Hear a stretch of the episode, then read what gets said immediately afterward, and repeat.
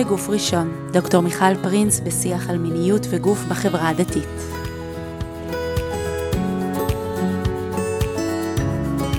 ברוכות וברוכים הבאים לפרק נוסף של בגוף ראשון על מיניות וגוף בחברה הדתית. והיום אנחנו נדבר על uh, מבט uh, מבפנים ומבט מבחוץ, נגדיר את זה ככה.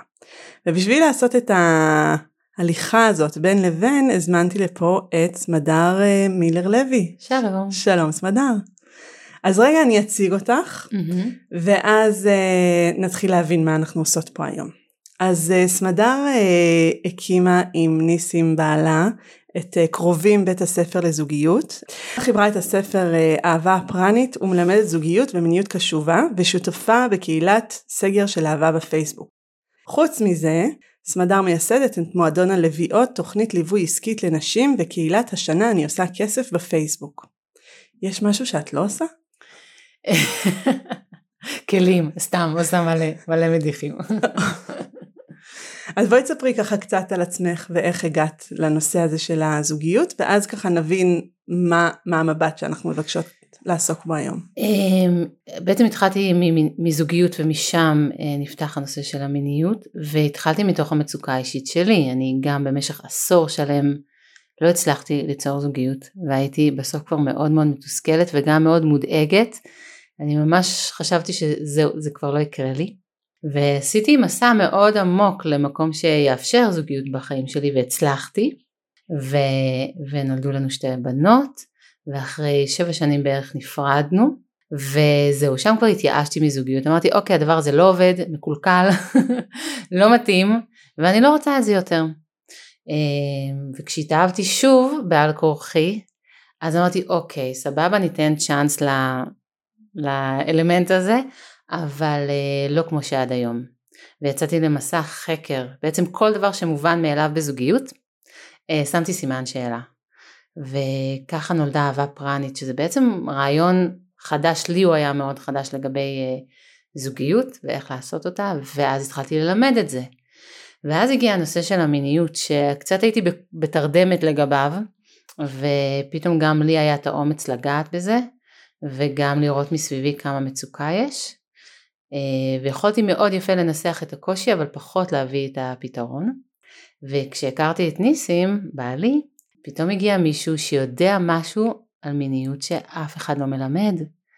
וזה היה כל כך אה, וואו, שאמרתי לו תקשיב, מה שאתה עושה, כל אישה צריכה לחוות את זה. אבל לא ממך, כן, אני מאוד רכושנית וקנאית, ואתה חייב ללמד. בבקשה תלמד גברים מה הסוד הזה שאתה יודע ועושה. וכך נולד הלימוד של מיניות קשובה לגברים וגם לנשים. וככה בעצם פתחנו את אה, קרובים, פתחנו בית ספר, ואנחנו מלמדים המון גברים, נשים, סינגלים, נשים נשואים, ואז התחילו להגיע המון אנשים דתיים. זהו, ואז הפכתם להיות איזה תופעה, ואני אומרת תופעה במגזר הדתי, שפתאום השם שלכם מופיע, וזוג לא דתי, אבל שהמון המון אה, דתיים מתחברים לשפה שלכם ולמה שאתם מביאים. זה היה מפתיע ומרגש בצורה בלתי רגילה, שפתאום קלטנו שהמקומות, שהיישובים שאנחנו אה, שולחים אליהם ספרים, אז אנחנו ככה המון ספרים לתקוע והמון לירושלים והתחילו להגיע אנשים חרדים גם ללמוד מאיתנו. ולקח לנו זמן להבין מה יש בלימוד שלנו שגם מרגיש בטוח וגם אה, עונה על איזשהו צורך של אנשים דתיים והיום זה באמת נתח מאוד רחב מהקהל שלנו וקהל שמאוד יקר לליבנו.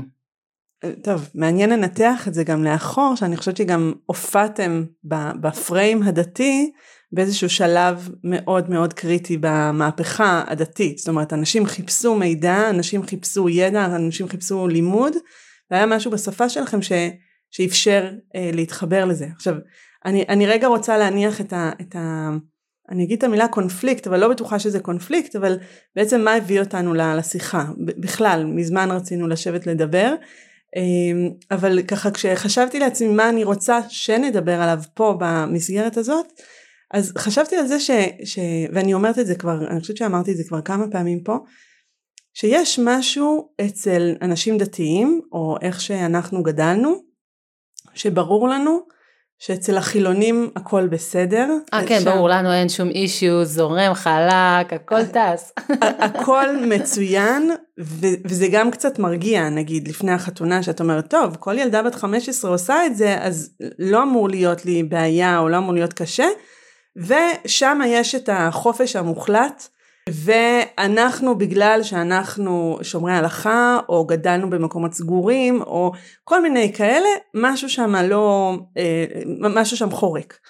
ואז אני אומרת אוקיי אז הנה יש לנו פה מישהי שכאילו אני עושה ממש מרכאות מייצגת את העולם ההוא אבל מכירה מאוד את העולם שלנו ועכשיו בואי נראה האם ככה אפשר קצת לפתוח את זה אפשר קצת להבין האם זה נכון בכלל מה שחשבנו כל השנים? האם בכלל מה חושבים עלינו קצת? מה אנחנו יכולים ללמוד? האם, טוב, אולי אנחנו יותר דומים מאשר שונים? אה, וככה מעניין אותי ככה לפתוח בזה. אבל נראה לי, שנייה, אני רואה שאת נושמת עמוק כזה, אבל נראה לי שאנחנו נתחיל במילה אחת שככה כבר אה, את אמרת ואני אמרתי, אה, וכבר קודם שאמרתי לך, איך את רוצה שאני אציג אותך? אז אמרת לי, תכתבי אה, הקימה עם ניסים לוי בעלה, אוקיי? וכבר שאני מקלידה לך את זה ככה בוואטסאפ ברכבת, אני אומרת לעצמי, מעניין איך המילה בעלה כאילו תתקבל בצד השני, ו... וכזה הרגישתי רגע להתעכב על ה... אולי על הבחירה הזאתי. אמ, אז אני יודעת שלהמון נשים, נכון, גם, גם נשים דתיות, זאת מילה שהיא קצת תמרור, אה, תגידי רגע מה טעון במילה הזאת, אולי את תביאי את מה טעון בזה.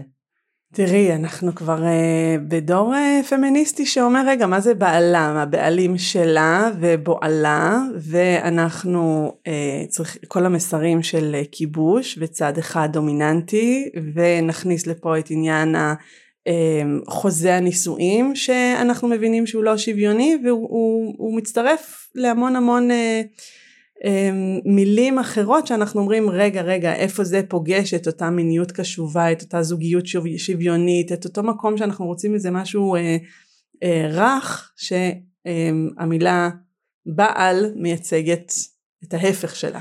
אוקיי, okay. אז קודם כל אם כבר דיברתי על זה שאנחנו הבלחנו בעיצומה של מהפכה, אז באמת אחד הדברים שכזה, אני בתור מישהי שככה נחשפה פתאום לתוך העולם הזה של של, של נשים דתיות, אז באמת כמה פמיניזם נמצא על השולחן, הפמיניזם הדתי, כמה הוא הרבה פחות מתנצל, אם חילוניות הרבה פעמים כאילו אני לא פמיניסטית אבל עדיין צריך כאילו לא לזהות עצמי עם איזה משהו, אז יש פמיניזם מאוד מאוד על השולחן, מאוד ער, מאוד, אה, מאוד מודע כזה בתוך הקהילה הדתית, ובכלל יש באמת תחושה כזאת של בחינה מחדש של הרבה דברים שהיו מובנים מאליהם ביחסים בין גברים ונשים, באימהות, במשפחה, בזוגיות, במיניות, זה נשמע שזו קהילה שהיא באי נחת אה, בריאה, כן. אי נחת פרודוקטיבית כזאתי, שמביאה להמון לימוד, אנחנו באמת אה, חווים שאנשים דתיים, שוב אני כאילו רגע רוצה לשים את הסוגריים האלה mm-hmm. של לא נוח לי במקום שקצת מכליל, וואי, אני כן. בטח לא מדברת בשם איזשהו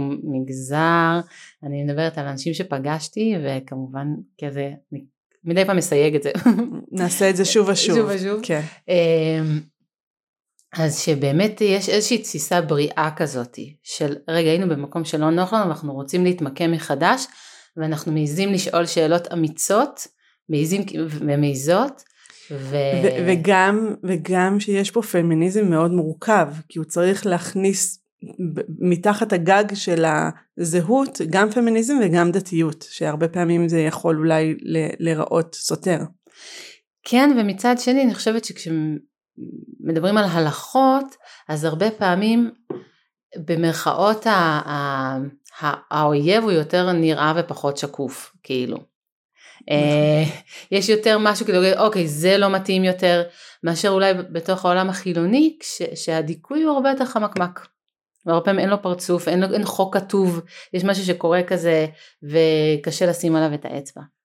אה, נחזור למילה אה, בעלי, בעלי שאני רק אומרת בעלי נהיה לי חג בלב ואני חייבת להגיד שבתור אישה שהמון שנים הייתה חד הורית ומפרנסת יחידה ועצמאית ועומדת על שלה ודעתנית וכאילו אני באמת אה, הסתובבתי בלי בעלי המון שנים.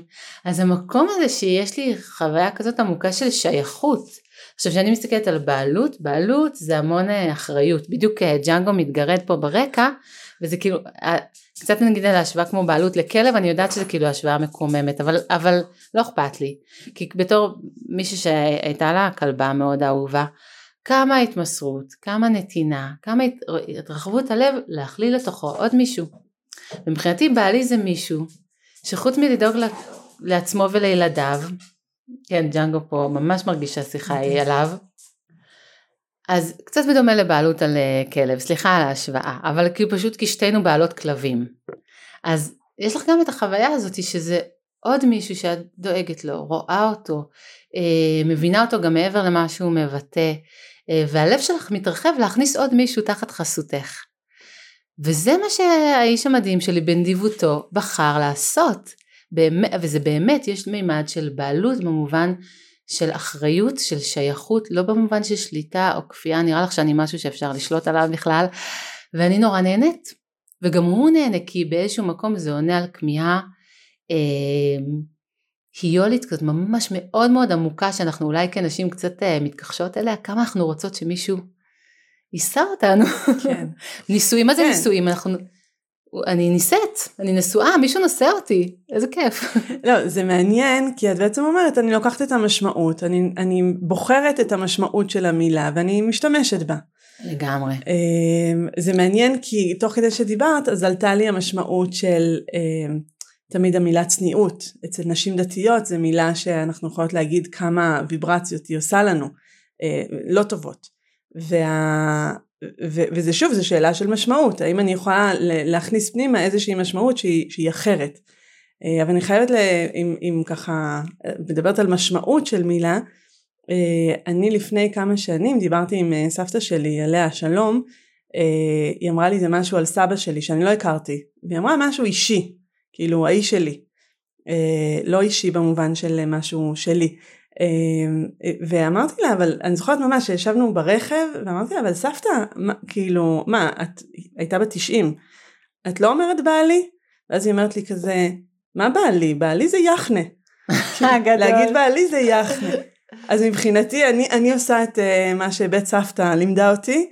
אמ, אבל עצם זה שתקשיבי, שלי יש את, את הפריבילגיה לבחור במילה הזאתי. נכון. זה, זה, נכון. זה כבר, וזה ממקום של, של עוצמה. זה כבר כאילו, זהו, אני כבר לא צריכה להוכיח שאין לי, שאני בזכות עצמי, אני יכולה לבחור כן, להשתייך. כן. אז, אז זה מעניין שאת אומרת את הבחירה. זה מעניין שאת כבר אומרת, יש לנו פה איזשהו מרחב שלם, שאולי בעבר לא הייתה לנו בו בחירה, והיום אנחנו נותנות משמעות אחרת נוספת למה שאנחנו עושות. והייתי רוצה רגע שתתעכבי על, על המבט הזה שלך אה, כאישה חילונית אה, שגדלה, נכון? גדלת. אני שמוצניקית, שמוצ... אני הכי חילונית שיש. למהדרין. לגמרי. אה, שבעצם באה ומגלה, מגלה, אולי אה, אה, ככה מתבוננת על איזשהו עולם שאני תוהה, עולם הוא זר לך? הוא, הוא מיוחד? איך את מסתכלת על אותן נשים שהם, שאת פוגשת קודם כל תמיד בפליאה על איך אתם אה, מתארגנות עם כיסוי ראש כל כך מרשים. לא אבל האמת, אין לי מושג. האמת, אמ, תראי זה, זה תוך שנייה מאבד משמעות. בקליניקה למשל, או נשים שנהיו חברות שלי או קולגות שלי שהן דתיות, זה תוך שנייה אישה מול אישה. ו... כן, יש לנו יכולת שיחה על ההבדלים, סקרנות הדדית, אבל כשזה מגיע אם אנחנו רגע נדבר על קשיים ובזוגיות ובמיניות, ועל המקום הזה שבאמת הרבה אנשים מתיישבים בקליניקה ואומרים, בגלל שאנחנו מבית דתי, גם אנשים אגב שנהיו חילונים, mm-hmm. ויש להם, כשגדלנו בבית מאוד שמרני, או גדלנו בבית מאוד דתי, וכאיזשהו משהו שמסביר או מצדיק או מנרמל את הקושי במיניות, אבל הקושי שהם מביאים הוא זהה אחד לאחד עם הקושי של זוגות חילוניים. ניואנס קטן פה, יש, אוקיי, יש ליל טבילה, יש, יש כאילו כמה דברים, אבל הליבה, המהות, אנחנו באותה סירה, ואני אגיד יותר מזה, התרבות שלנו, התרבות המערבית, ואולי גם כלל התרבות בעולם, לתפיסתי, סובלת ממחלת מין תרבותית, קולקטיבית.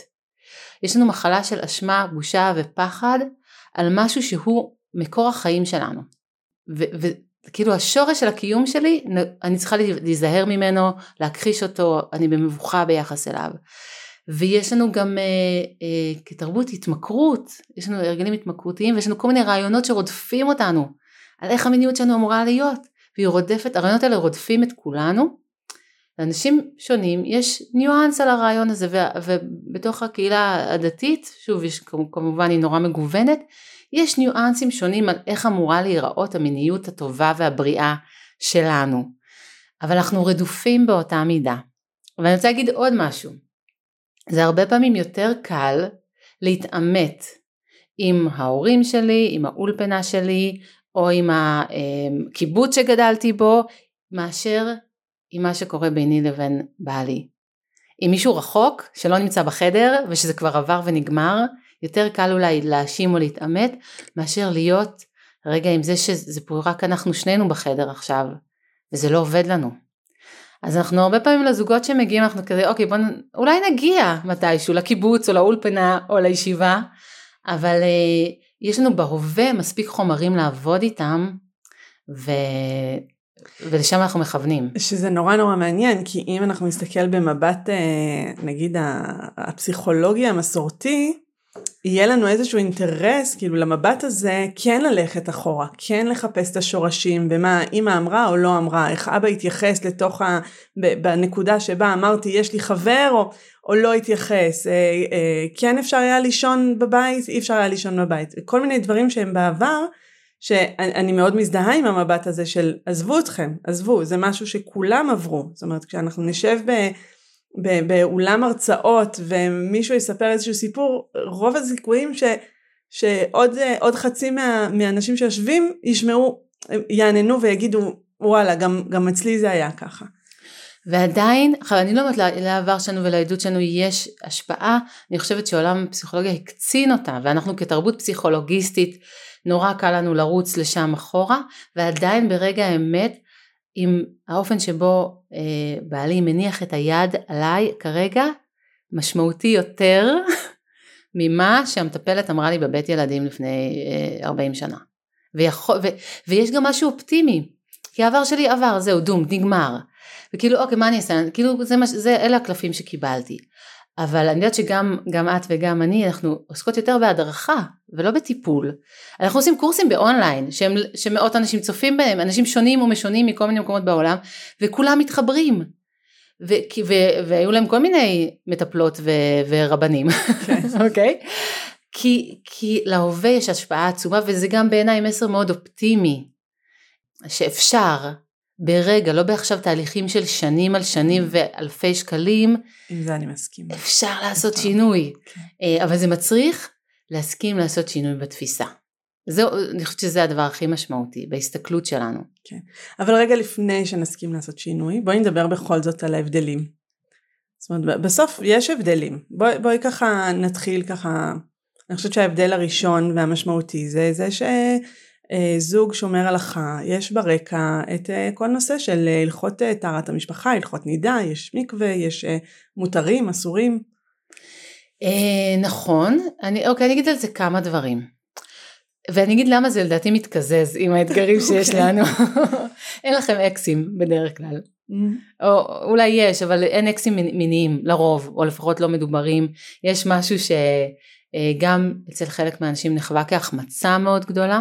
אני לא אדע איך זה אה, להיות באינטימיות עם אדם אחר, אה, לפעמים יש תחושה שהחילונים שם חוגגים, זה משהו כזה שנשמע אולי מאוד אה, נוצץ, אולי גם מרתיע, אני לא יודעת. את יודעת ש...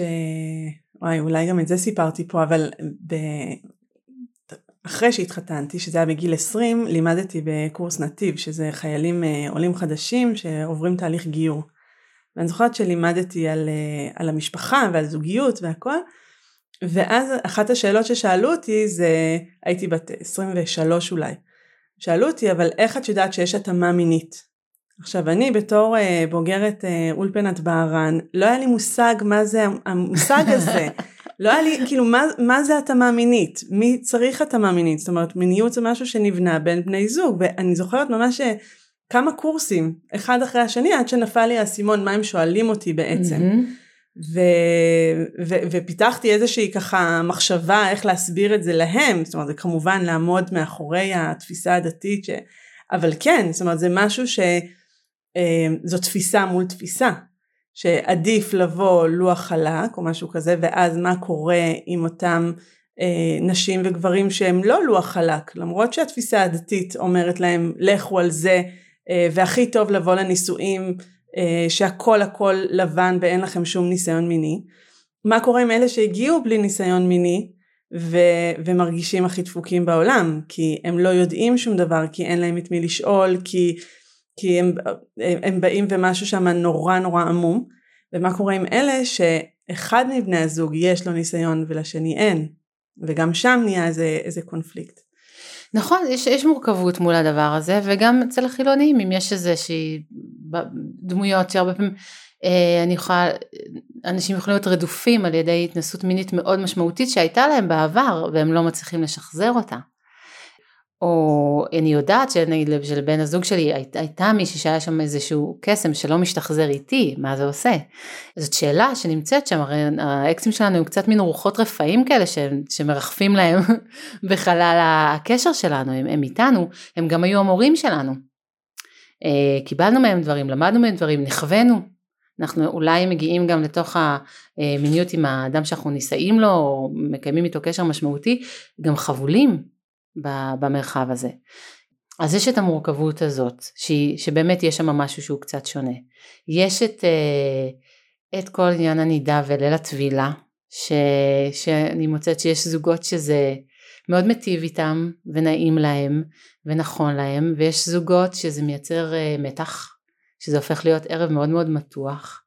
אה, בכלל, אפרופו גם, גם ליל הכלולות וגם ליל הטבילה, מ-0 ל-100 ניסים ואני פעם, אה, מישהו אתגר אותנו, דווקא מישהו מתחום הטנטרה שראיינתי, אתגר אותנו והיינו שבוע בלי מגע, בכלל. וכאילו הוא אמר, אין, אתם לא, אתם לא מבינים, אחרי שבוע יהיה לכם כזה חשק וזה. וזה היה שבוע נורא מבאס. וכשסוף סוף נפגשנו, אז לא עפו שום זיקוקים.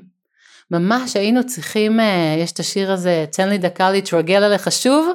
מה זה, כאילו, ממש לקח לנו כמה ימים ממש. להרגיש כזאת קרבה כדי שבכלל נוכל להתקדם לשלב של אה, אינטימיות מינית. ו... והרבה פעמים לבני זוג, שני בני הזוג, יש להם תחושה שונה לגבי ליל הטבילה, אחד מאוד שש ונרגש, ואילו השני כזה, אומייגוד oh זה מגיע, יש שם מתיחות אה, שקיימת, היא לא מאוד שונה ממתיחות של זוגות חילונים, פשוט אצלנו זה יכול להיות יומיומי ולא סביב תאריך או אסוף לחלק מסוים של החודש. כן. את השאלה הזאת מתי זה יקרה. אבל גם אז נוסיף לזה עוד כמה רבדים של אה, תחושת החובה, כן? אה, חייבים לעשות את זה והרבה זוגות חושבים שהלכתית זאת חובה ואז גם השאלה של הרצון היא, היא מאבדת את המשמעות. אמ, יש פה עניין של זכות מאוד גדולה, כן? זאת אומרת, כן ההתכנסות הזאת, כן ההתארגנות, כן הפינוי של היום והידיעה שמשהו הולך לקרות.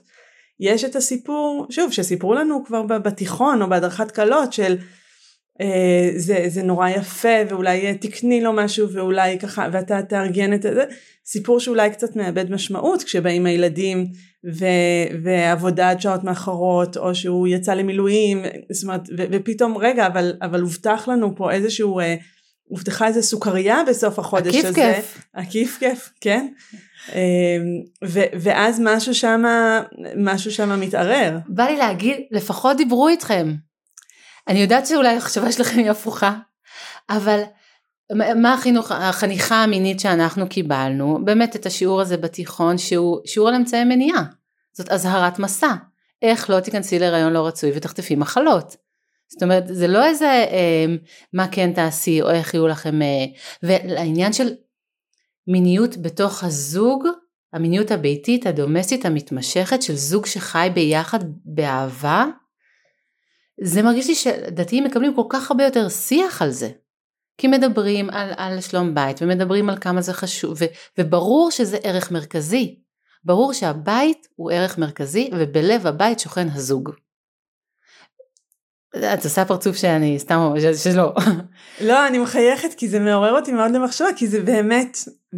ויש, ו, ומישהו דיבר על הלכות נידה, איתנו לא דיברו על מחזור בכלל, על הווסת. זאת אומרת, כן, היא הראתה תחבושת, אבל שום דבר שקושר לזה איזושהי משמעות. זה כאילו סתם תפקוד גופני שצריך ללמוד להסתיר אותו ביעילות. שום דבר, לא על ההורמונליות, שוב, אני גם לא יודעת מה, אבל כאילו, זו שיחה כי יש עליה אישיו. עכשיו, בכלל, הסייקל הנשי, המחזור הנשי, נוכח בחיי הזוג. הזוג יודע. כן. מתי וזה כי זה רלוונטי. אצל זוג חילוני בכלל יכולים לחיות בלי שיש, שוב אני גם לא יודעת כמה שיחה יש, אבל אה, שפתאום מופיע היום הזה בחודש שאת מדממת ואין לזה שום משמעות. זה לא הבית מתארגן סביב הסייקל שלך. כן, מעניין. בואי נגיד ככה, אני מאוד הייתי רוצה להיות במקום שאת חושבת שאנחנו נמצאים. זה, זה מה שאני חושבת. אה, זאת אומרת, אני חושבת שכן. לא, אני יודעת שהשיחה היא מאוד חסרה. ברור, אני יודעת. אבל אני, אני חושבת שכן יש שיחה, נגיד הנושא הזה של זה שזה חשוב, ושזה הזוגיות במרכז, ושהנישואים זה דבר חשוב, שעובדים עליו, זה קיים. זה קיים חד משמעית. וזה משפיע, אני רואה שגברים, אוקיי? נשים באות ולומדות, בואי, נשים לומדות. לומדות, מתפתחות, עושות עוד קורס ועוד קורס. הנכונות של גברים ללמוד והרצינות שלהם בתוך התהליך, אין מה להשוות בין החילונים לדתיים. אם אפשר פה להרים רגע ל... יאללה, נו, תמשיכי, תמשיכי. זה הגברים החמודים, נכון. אה, אנחנו רואות את זה גם בכנסים, אני חושבת שגם בכנס המשותף שעשינו וגם אה, כנסים, כנס שעשינו על כאבים ביחסי מין, הגיעו, וזה היה כנסים שפתוחים לציבור דתי וחילוני, הגברים שהגיעו היו גברים דתיים. אז אני גם אגיד שנייה, יש לנו גם חמודים, ויש גברים חילוניים מאוד מאוד מסורים, אה, בלב המקום הזה שהזוגיות חשובה לי, היא חשובה לגברים חילוניים לא פחות. אבל המקום הזה שאומר, יש לי מה ללמוד, וזה בסדר, זה לא פוגע באגו שלי, זה בסדר לבוא וללמוד ממישהו, והנכונות הזאתי אנחנו רואים אותה בצורה יותר, אה, יותר נוכחת בתוך המגזר הדתי. בחילוני זה מאוד משתנה. אני חושבת שהגברים החילונים עושים עכשיו את המהפכה כן. שלהם, כן. וקורה שם משהו סופר מרגש. כן, מעניין, מעניין. אבל גם עדיין בהתבוננות שלך על מה שקורה אצלנו, אני אומרת, לשם אני שואפת. אמ, הדיבור על המחזוריות זה דיבור חדש. מצד שני, כן נראה באחוזים של המודעות לפוריות, נראה הרבה מאוד נשים דתיות, כי הן נורא מודעות, כי הן נמצאות אולי בזוגיות הרבה יותר שנים, זוגיות ארוכת טווח שמאפשרת להיות בביטחון שאני יכולה לסמוך על הגוף שלי ולא על הורמונים או קונדומים אה, בשביל למנוע הריון. כן, אני, אני רגע רוצה להתייחס כי כזה, לפני שזה חומק לנו, אמרת על תחושת החובה. ופה אני רוצה להגיד שנכון שיש את ליל התפילה וכולי, אני לא מתרשמת שנשים חילוניות יש להן פחות תחושת חובה.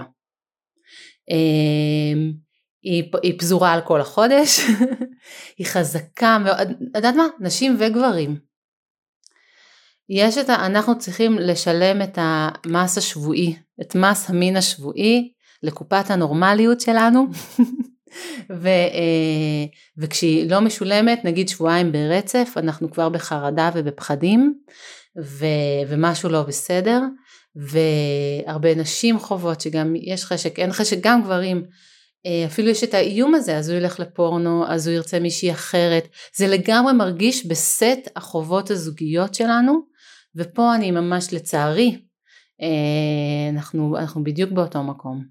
כן, כן, מה שמאוד מעניין זה שכשאני פוגשת אה, נשים דתיות וחילוניות, רואים את, ה, את ההבדל בסיפור שמספרים. זאת אומרת ההתנהגות תהיה אותה התנהגות, אבל הסיפור הוא סיפור אחר. זאת אומרת, ה, אה, למשל אישה תרגיש חובה, אה, אישה דתייה תרגיש חובה כלפי בעלה, אה, היא תשתמש במילים של, של חטא, זאת אומרת לא להחטיא אותו, mm. שלא ייכשל, החובה המוסרית שלי, ש, שאם זה לא אני אז אין לו במקום אחר. וכשנפגוש אישה חילונית היא תהיה עם אותה תחושת חובה, אז זה גם הסיפור של הנורמלי. גם אני מאוד שומעת את הסיפור של הפחד משחיקה. זאת אומרת, אם אנחנו לא נעשה את זה בצורה סדירה, גם אם אנחנו לא מאוד רוצים או לא מאוד מעניין אותנו הערב, אז, אז אנחנו נהיה כמו הזוגות האלה שנשחקים, וגם אצל נשים צעירות יותר אנחנו נשמע את הסיפור של, של הכואב לו. שאם הוא לא... או שיש לו צרכים. יש לו צרכים. וזה נורא, הסיפור של הכאבים הוא נורא נורא מעניין כי כשאני מספרת את זה למישהי דתייה, יש המון נשים שבכלל לא יודעות שאולי זה יכול לכאוב. כאילו, הן אומרות, מה באמת זה כואב? ואני אומרת, אתן מתנהגות את אותה התנהגות, אבל בעצם לא הייתן צריכות להשתמש בסיפור הזה. Mm. עכשיו, מה, מה זה הכאב הזה? כי, כי אנחנו בעצם אומרים, זה כואב לא, אבל אנחנו מתעלמים מהכאב שלה, או מה, מהרצון שלה, או מהחוויה שלה כשהיא באה אליו, לא, לא כשהיא נמצאת שם במאה אחוז. אה, והחוויה שלו כשהיא באה אליו לא במאה אחוז. אה, אבל כאילו זה בדיוק מה שאת אומרת, יש פה איזשהו, אה, איזושהי התנהגות חוזרת שפשוט מקבלת איזשהו הסבר תרבותי אחר. כן, ואנחנו, לא רק התרבות מפעילה עלינו לחץ, באופן, היא מפעילה עלינו לחץ גם דרך בני הזוג שלנו. זאת אומרת, זה גם משהו שנמצא בשני המקומות, שבן הזוג שרוצה יותר, מפעיל לחץ בדרכים גלויות, בדרכים סמויות, על בן הזוג שרוצה פחות. בין אם הוא יהיה עצבני אחר כך, או היא תבכה, או אה, תיעלב מאוד, או הוא לא יעזור בבית למחרת. כאילו יש מקום שלאנשים יש את התחושה ש, שזה מגיע לנו, מגיע לנו שירותי מין סדירים מהאדם שניסינו לו, ואנחנו נפעיל לחץ כשאנחנו לא מקבלים את זה. זאת אומרת זה הרבה פעמים גם יושב בתוך הדינמי, הדין וחשבון הוא לא רק למשהו מדומיין, הוא הרבה פעמים למשהו מאוד מאוד נוכח. כן. שוב, הרבה פעמים הלחץ הזה הוא מאוד סמוי, לפעמים אנחנו מפעילים את הלחץ הזה בלי להיות מודעים. אגב, בדרך כלל אם אחד מבני הזוג מפעיל לחץ במיניות, אנחנו נראה שהשני מפעיל עליו לחץ בשדה אחר. זה מתקזז איפשהו. הקלאסי הוא כמובן שהגברים רוצים יותר מין והאישה רוצה יותר שיח, אבל זה ממש, אה, יש לזה המון המון מופעים. ובעצם, אני, אני קודם כל אגיד רגע על מה שאנחנו מביאים. אנחנו מזמינים זוג קצת להיחלץ משיחת החשק, הבא לי והלא בא לי.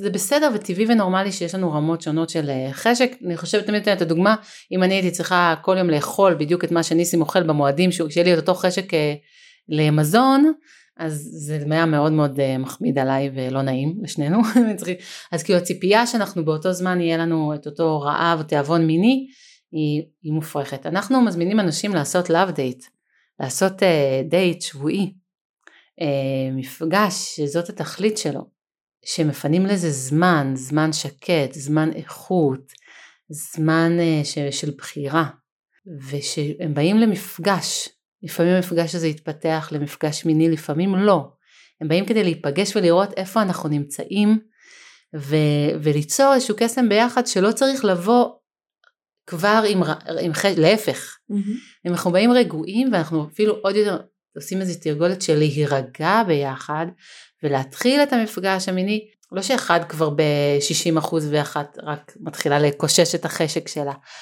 אז uh, יש דרך לחמוק מה... כאילו עגלה עם גלגל אחד גדול ואחד mm-hmm. קטן כזה, שזאת המון פעמים חוויה של זוגות בקשר. אז זהו, עוד דבר שאני רוצה להגיד, שהרבה פעמים הלחץ לא נובע מרוע או משהו, הוא נובע מסוג של אה, אפילו התמכרות. התמכרות לפורקן, ו- או, או, או למגע, או למ... יש משהו שאנחנו נורא מרגישים הצד שרוצה יותר, מרגיש צורך בוער, כמו רעב שלא נותן לו מנוח. אנחנו למשל, הרבה פעמים ממליצים ככה בלאבדטים הראשונים, הרבה פעמים זוגות מגיעים שכבר אחד מהם לא יכול לשאת מגע בכלל. לאבדטים ראשונים בהגדרה בלי אה, חדירה ואורגזמה.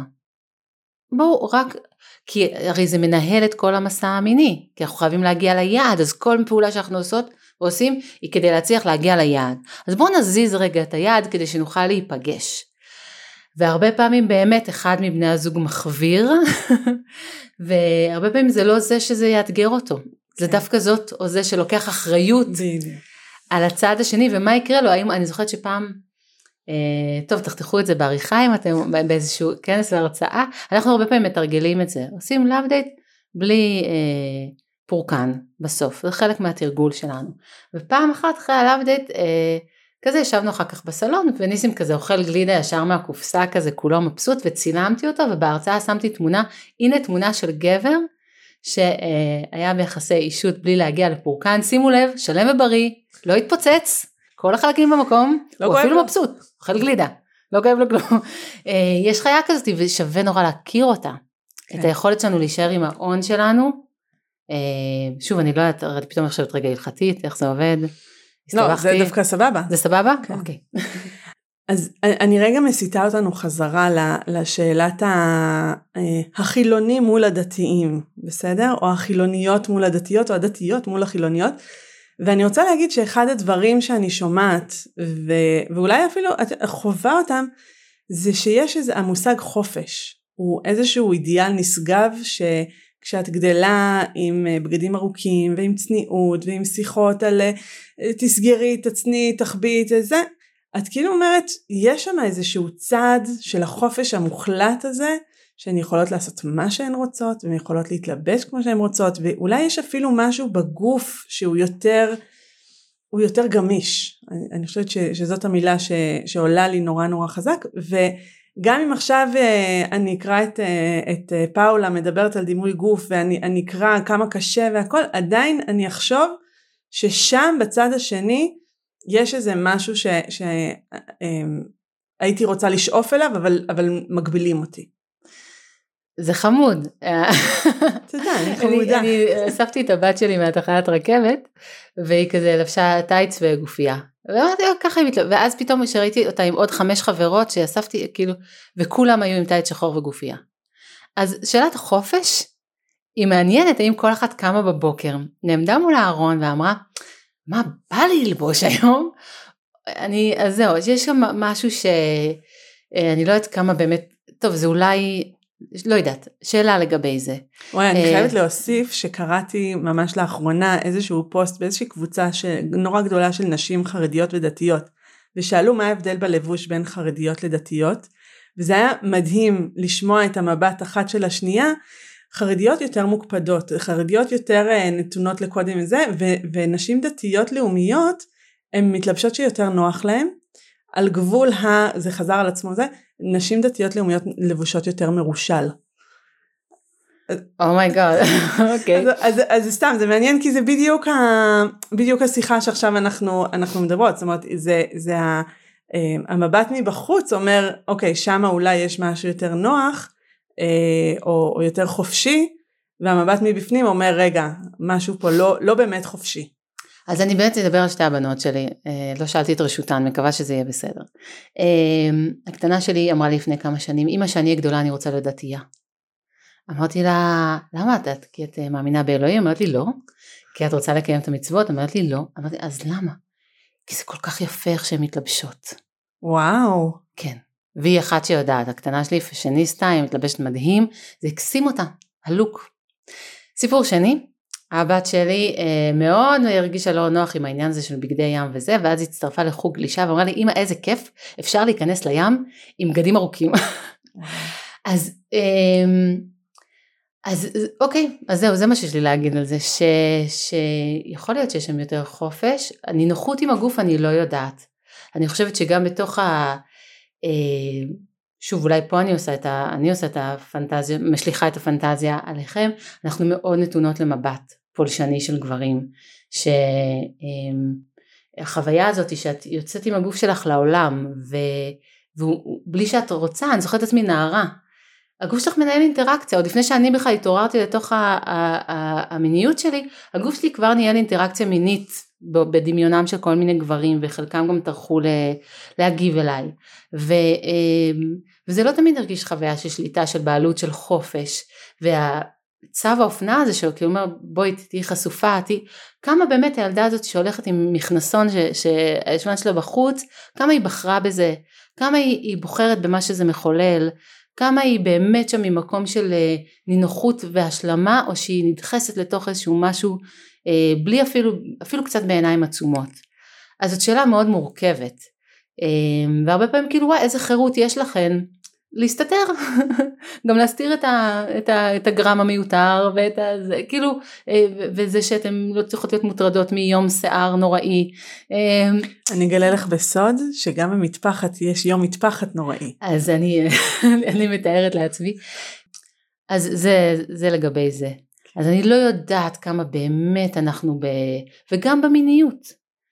כמה חופש. אני בכיתה י' הרגשתי כזאת בתולה זקנה. והרגשתי את מכבש הלחץ להצטרף למשפחת האדם ולעשות את הדבר הזה שכולם עושים וכולם מדברים עליו כדי שאני אהיה נורמלית. נורמלי. אז החברה היא מכבש, אני חושבת, כך או כך, והפרט אה, צריך לעמוד מול המכבש הזה. וואו, אוקיי. עכשיו, עכשיו אני, אני רק, אני חושבת שמה שחשוב שנעשה לקראת סיום, כי זה נשמע שאת עוד רגע חוזרת בתשובה, אולי תבואי ללבוש המרושל שלנו. אה, לא, אני צוחקת, אין פה, אין פה עניין של החזרה בתשובה. אה, בהצלחה לך מה, ש... מה שנקרא. לא מנסה. אה, השאלה שלי זה שדווקא יהיה חשוב לשמוע, זה, זה אפילו יותר ממעניין לשמוע, יהיה חשוב לשמוע במבט, ה, שוב, החיצוני שלך, איפה את כן רואה שמקומות שזקוקים לתיקון, איפה את כן רואה שהנשים הדתיות שאת פוגשת, או, או החברה הדתית שאת פוגשת, יש בה מימדים שאת אומרת רגע רגע בואו בוא נשים על זה איזשהו אה, דגש ובואו נדבר על זה שצריך לתקן שם כי קורים שם דברים שהם אה, פחות טובים. אוקיי okay. אמ, um, אז קודם כל מה שרק לגבי החזרה שלי בתשובה אז אני רק אגיד ש, שניסים אה, לומד בחברות הכל שבוע והמון דברים שקשורים ל, ל, לזוגיות ואנחנו כן זה הפך להיות כן עוד מקור של היהדות וכל מיני ספרים, אני אפילו לא יודעת בדיוק מה הוא לומד, וכל הזמן חוזר עם איזה זיק, עם איזה משהו, ככה הרוח של הבית היהודי כן התחילה לנשב אל תוך ביתנו ואנחנו כזה אנחנו בפוזיציה שאנחנו יכולים ללקט את מה שמתוק בעינינו ו, ו, ולהתמלא בהשראה ממה ש... אז זה הופך להיות אה, ככה, כי הוא מרגיש לי שכמו שאנחנו ככה מלמדים ומנחים וכזה, זה מחלחל גם לכיוון השני וזה, וזה תענוג. מדהים. אה, ולגבי, לא לתקן, אבל כן אני קולטת שיש משהו שנראה לי מכביד. ואני יודעת שאנחנו לא יכולות לסיים את הפודקאסט שלך בלי לדבר על גוף ועל תחושת גוף, רגע נכון, לא לא הנכחנו את הגוף שלנו בשום צורה פה. אמ, אני יודעת שחם לך כי צופיה לא מרשה מזגן בהקלטות. וברוך חוצפתי כי אני פה לא צנועה וחם לי. אמ, אז אז יש משהו שאני כאילו הוא נורא נורא הוא, הוא, הוא דק ומעודן כזה אבל יש לי חוויה שגם נשים דתיות וגם גברים יש דיברתי ממש בהתחלה שיש איזשהו דימוי שאנחנו חיים לאורו של מה צריך להיות ומה נורמלי ואם אנחנו טובים מספיק גם בזוגיות וגם במיניות ורף הציפיות של בני זוג דתיים לאומיים שוב בהכללה וסליחה וזה וזה הוא כשאני אני כאילו קצת מפסיקה לנשום כשאני מתחברת לחוויה הגופנית של זה. אנחנו צריכים להיות אה, זוג טוב ויש לזה המון משמעות והורים נורא טובים והילדים שלנו צריכים להיות מאוד מוצלחים וערכיות צריך כאילו כל מעשה שאני צריך להיות בו את, ה, את, ה, את הערך המוסף הערכי ולא כאילו כל שיחה בו כן נכניס איזה דבר תורה שלא סתם ריכלנו בכיף שלנו עכשיו או, או דיברנו על משהו אמ, וצריכים להיות קהילתיים ולהכין ארוחה ליולדת ולהיות יולדת בעצמך. כן, כן טוב שאת מוסיפה פה את ה... ולהיות כאילו... בוועד הורים בשביל לשפר את הבית ספר והבית ספר צריך להיות אה, או הכי דתי או מעורב בשביל שיהיה ערכים. כאילו אם אני אקח את זה כדימוי אז החצאית קצת לוחצת כאילו קצת כזה לפתוח כפתור בחצאית אני לא יודעת אם זה בא עם כפתורים ולהתרווח לתוך האנושיות שלנו המורכבות שלנו לא כדי לתת לזה דרור, לא, לא, לא לכדי פריצות, לא כאילו עכשיו אה, לשמוט את, את הכל, אני רק אומרת שזה יכול להיות משהו שמצד אחד, א' זה מעורר בי המון השראה, ואת וואו, אנשים שמכוונים גבוה בהוויה שלהם, אה, אה, מדהים, אבל זה גם יכול להיות שבפער בין הרצוי למצוי, הוא גם יכול להיות לפעמים משקולת, כי החיים מורכבים, ויחסים זה דבר מורכב, ומיניות זה דבר מורכב, והגוף שלנו, ו, והילדים, כאילו, וזה כאילו למצוא את, את, את, את השלמות שבלא שלם, בחלקי, בדרך, כאילו בא לי להגיד הכל טוב, כאילו זה בסדר, זה בסדר שהסערה הסוררת שיוצאת מהמטפחת אה, אפשר לחגוג גם אותה. אה, כן, אני חושבת שבהקשר של, של מיניות, כאילו הקיום יחסי מין זה, זאת איזושהי שמיטה זאת אומרת זה איזשהו להשאיר את כל העולם בחוץ ולהיכנס לחדר ולהגיד לא מעניין אותנו שום דבר חוץ מה, מהחגיגה שלנו.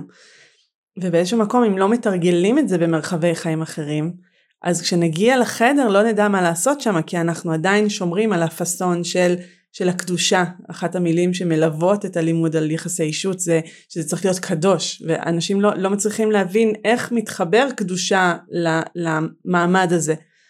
וה, ואני לוקחת את, את המילים שלך צעד אחד קדימה, מעבר לזה שאת כאילו קצת עשית לי עכשיו מסאז' בגב, כן? כי הגב נורא... כאילו זה נורא נורא מכווץ כל היום לעמוד בסטנדרט ואז את אומרת כאילו תרגי תרגי כאילו ת, תנוחי ת, ת, אבל את הרמת לי להדחתה לכיוון ההפוך. כי נגיד אם היית שואלת אותי מה יש להציע לחילונים אם רגע כאילו וואי זהו שמת אותי באולימפוס ואני מחלקת עצות עכשיו למגזרים שלמים אני כאילו גם לא נוח לי וגם קצת נעים לי כן בו זמנית אני אעשה לך גם מסאז' לגמרי אז שהמילה הזאת קדושה או לפחות לכל הפחות חיבור רוחני או לכל הפחות בחילונית חיבור למשהו שהוא מעבר, זה משהו שכן, כאילו אני מזמינה את, ה, את החילוניות. יש, יש במיניות שלנו מעבר להעמיס על עצמנו ריגושים ולעשות זיקוקים, איך זה כן, כן להתעקש, כי אני חושבת שאיפשהו עמוק עמוק בפנים יש כמיהה לה, להתעלות במפגש האינטימי. ואולי ויתרנו עליה כי, כי, כי ברגע שהתחלנו לעשות את זה גילינו שאין שם ואני רוצה להגיד, יש שם. תדרשו אותה, תחפשו אותה, חפשו אותה בתוככם, חפשו אותה בזוג, אל תוותרו על הנשמה היתרה שיכולה להיות בתוך המפגש המיני, שזה לא רק אה, חיכוך איברים. מדהים. וואי, בא לי פשוט לעצור בזה. כן. תודה רבה, תודה לסמדר, אה, תודה על המילים הטובות אה, ועל הראייה הזאת, וראייה באמת בעיניים טובות. באהבה רבה. זה, זה כיף ואני אני ממש מקווה ש, שזה פרק שככה יצליח להגיד או, או להגיע לאוזניים ש, שזקוקות למילים האלה. מסאז' לכולם ממני מס... בבע. ממש ככה. אה, ותודה רבה לצופיה וינדיש על ההחזקה ועל הסאונד ועל העריכה ועל כל מה שאת עושה פה בשבילנו ואנחנו ניפגש בפרק הבא.